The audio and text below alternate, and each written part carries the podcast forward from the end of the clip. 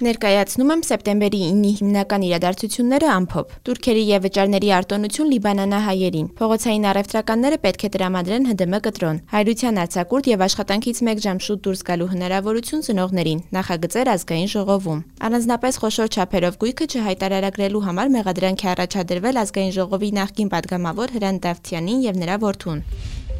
Ավականու սեպտեմբերի 8-ի որոշմամբ Երևան ժամանած Լիբանանահայերի եւ բացառապես նրանց հիմնադրման իրավաբանական անձանց եւ անհատ ձեռնարկատերերի համար 2020-ի բոլոր տեղական турքերի եւ վճարների նկատմամբ սահմանվել է արտոնություն՝ զրոյական դրույքաչափի կիրառմամբ։ Ավականու անդամ Գայանե Մելքոնյանը նշել է, որ Բեյրութում պայթյունի օրվանից մինչ օրս շուրջ 1200 լիբանանահայեր են ժամանել Երևան, իսկ 300-ից 400-ը կամ վերադարձել են կամ մեկնել արտասահման։ Հայաստանում հաստատվող լիբանանահայերի համար աջակցության փաթեթ է մշակվել նրանց սոցիալ-տնտեսական կարիքները մեղմելու համար։ Օգոստոսի 4-ին Բեյրութում տեղի ունեցած պայթյունից հետո Հայաստանը մարդասիրական օգնություն ուղարկեց Լիբանանին եւ տեղի հայ համայնքին։ Շարունակելով օգնության թեման, Հայաստան համահայկական հիմնադրամի գործադիր տնօրեն Հայկակ Աշամյանը շուրջ 70 հազար ԱՄՆ դոլար հանձնեց Դամասկոսում Հայաստանի Հանրապետության դեսպանությանը, որը կփոխանցվի Սիրիայի մեր հայրենակիցներին կորոնավիրուսային համավարակով պայմանավորված ծանր առողջապահական եւ սոցիալ-տնտեսական իրավիճակը մեղմացնելու նպատակով։ Նվիրաբերված հանգանակությունը համամասնաբար բաշխվել է 30 հազար ԱՄՆ դոլար Սիրիայում հայկական կրթական հաստատությունների թվով 502 ուսուցչի, ինչպես նաեւ 42 սպասարկող անձնակազմին Թուրքիային։ Միևնույն ժամանակ ընդհանուր 40 հազար դոլարի օժանդակություն է տրամադրվել կորոնավիրուսային հիվանդությամբ Սիրիայում ստացիոնար բուժում ստացող մեր հայրենակիցներին։ Հավելենք, որ հանգանակված գումարները հատկացվել են COVID-19 Հայաստան։ Միասին հաղթահարենք համաճարակը դրամահավաք արշավից գոյացած ֆոնդից։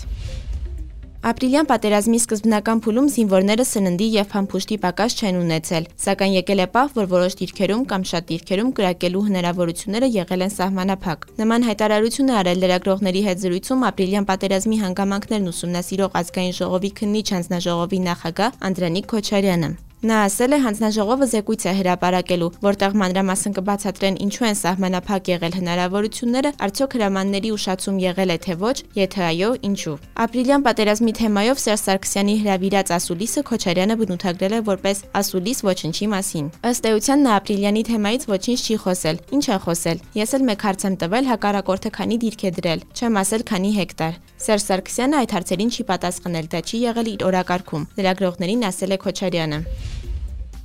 Ավականի սահմանել է Երևանի վարչական տարածքում գտնվող պետության եւ համայնքային սեփականություն հանդիսացող ընդհանուր օգտագործման տարածքներում փողոցներ, հրապարակներ, զբոսայգիներ եւ այլն, շրջածախ առևտուր իրականացնելու միջոցով վաճառվող ապրանքների տեսակները եւ շրջածախ առևտրի իրականացման թույլատրելի վայրերը։ Որոշման համաձայն շրջածախ առևտուր պետք է իրականացվի բացառապես ձեռքից։ Վաճառվող ապրանքները չդնելով գետնին, վաճառքի կամ ցուցադրության համար չեն կարող օգտագործվել գետնին դրվող տակտիկներ, այլ իրեր ու առարկաներ։ Արգելվում է նաեւ օգտագործել սայլակներ կամ շարժական այլ միջոցներ։ Շրջածախ առևտուր իրականացնող աշխատողը պետք է ապահոված լինի ապրանքը գնորդին վաճառելու փաստը հավաստող օրենքով սահմանված փաստաթղթեր, ՀԴՄ կտրոն, հաշիվ եւ այլն տրամադրելու հնարավորությամբ։ Սույն որոշումն ուժի մեջ է մտնում 2021-ի հունվարի 1-ից։ Առողջապահության եւ սոցիալական հարցերի մշտական հանձնաժողովի սեպտեմբերի 9-ի նիստի օրակարգում երկու նախագիծ է ներառված, որոնք առաջվում են ծնողներին։ Դրանցից առաջինը նախատեսում է փոփոխություն աշխատանքային օրենսգրքում։ Մասնավորապես առաջարկվում է ներդնել հայրության արձակուրդ։ Ըստ առաջարկի երեխայի ծնվելու օրվանից հետո 30 օրվա ընթացքում նորացնի հոր ցանկությամբ տրամադրվում է 5 աշխատանքային օր տևողության վճարովի արձակուրդ, որը յուրաքանչյուր օրվա համար վճարվում է աշխատողի միջին օրական աշխատավարձի չափով։ Նախագիծը մշակել են Իմ քայլը խմբակցության падգամավորները՝ Ծովինար Վարդանյանը, Սոնա Ղազարյանը, Լուսինե Բադալյանը, Արմեն Փամբողջյանը եւ Նարեկ Զեյդնալյանը։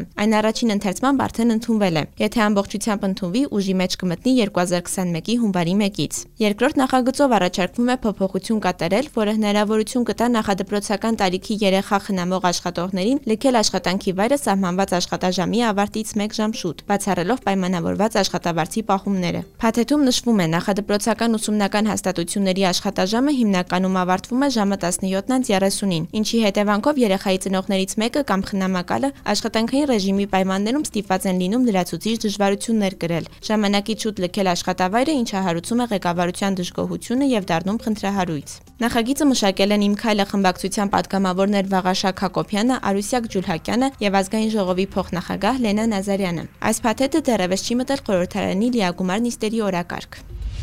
Հատուկ քնչական ծառայությունից հայտում են, որ ազգային ժողովի նախկին падգամավորին եւ նրա որդուն մեղադրանք է առաջադրվել հայտարարագրման ենթակա տվյալները թաքցնելու համար։ Մեղադրանքն առաջադրվել է հետ լրատվական կայքի հրապարակման արդիվ նախապատրաստված նյութերի հիման վրա հարուցված եւ Հայաստանի Հանրապետության հատուկ քնչական ծառայությունում քննվող քրեական գործի նախաքննության ընթացքում ձեռք բերված բավարար ապացույցների համակցության հիման վրա։ Խոսքը ըստ հետ բարբերականի Բարգավաճ Հայաստան կուսակցության նախկին падգամավոր Հրանտ Դավթյանի եւ նրա որդու մասին է։ Ըստ մեղադրանք հարգանքի падգամավորը հայտարարագրում չի ներառել եւ այդ կերպ թաքցրել է սեփականության իրավունքով իրեն պատկանող առանձնապես խոշոր չափերով գույքի, այդ թվում Արմավիրի մարզի Վաղաշապատ քաղաքում գտնվող բնակարանների եւ հողամասերի մասին տվյալները։ Բացի այդ, նախաքննության ընթացքում հիմնավորվել է, որ Դավթյանի որդին հանդիսանալով հայտարարատու պաշտոնատար անձի ընտանիքի անդամ իր 2018 թվականի հայտարարագրում չի ներառել տվյալ հարկային տարում անշարժ գույքի ձեռքբերման եւ սեփականության իրավունքով իրեն պատկանող ավտոմեքենայի վաճառքի վերաբերյալ տվյալները։ Քրեական գործով նախաքննությունը շարունակվում է։ Սիվիլնեթի Արցախի թիմը եղել է Ստեփանակերտի Վահրամ Փափազյանի անվան պետական դրամատիկական թատրոնի շենքում։ Այն կառուցվել է 1952-ին։ Թատրոնը խորհրդային ժամանակաշրջանում ազգային գիտակցության պահպանման հենակետ էր ինչպես Արցախում, այնպես էլ խորհրդային Ադրբեջանի տարածքում ապրող հայության համար։ Առաջարկում եմ դիտել տեսանյութը Սիվիլնեթի կայքում եւ սոցիալական հարթակներում։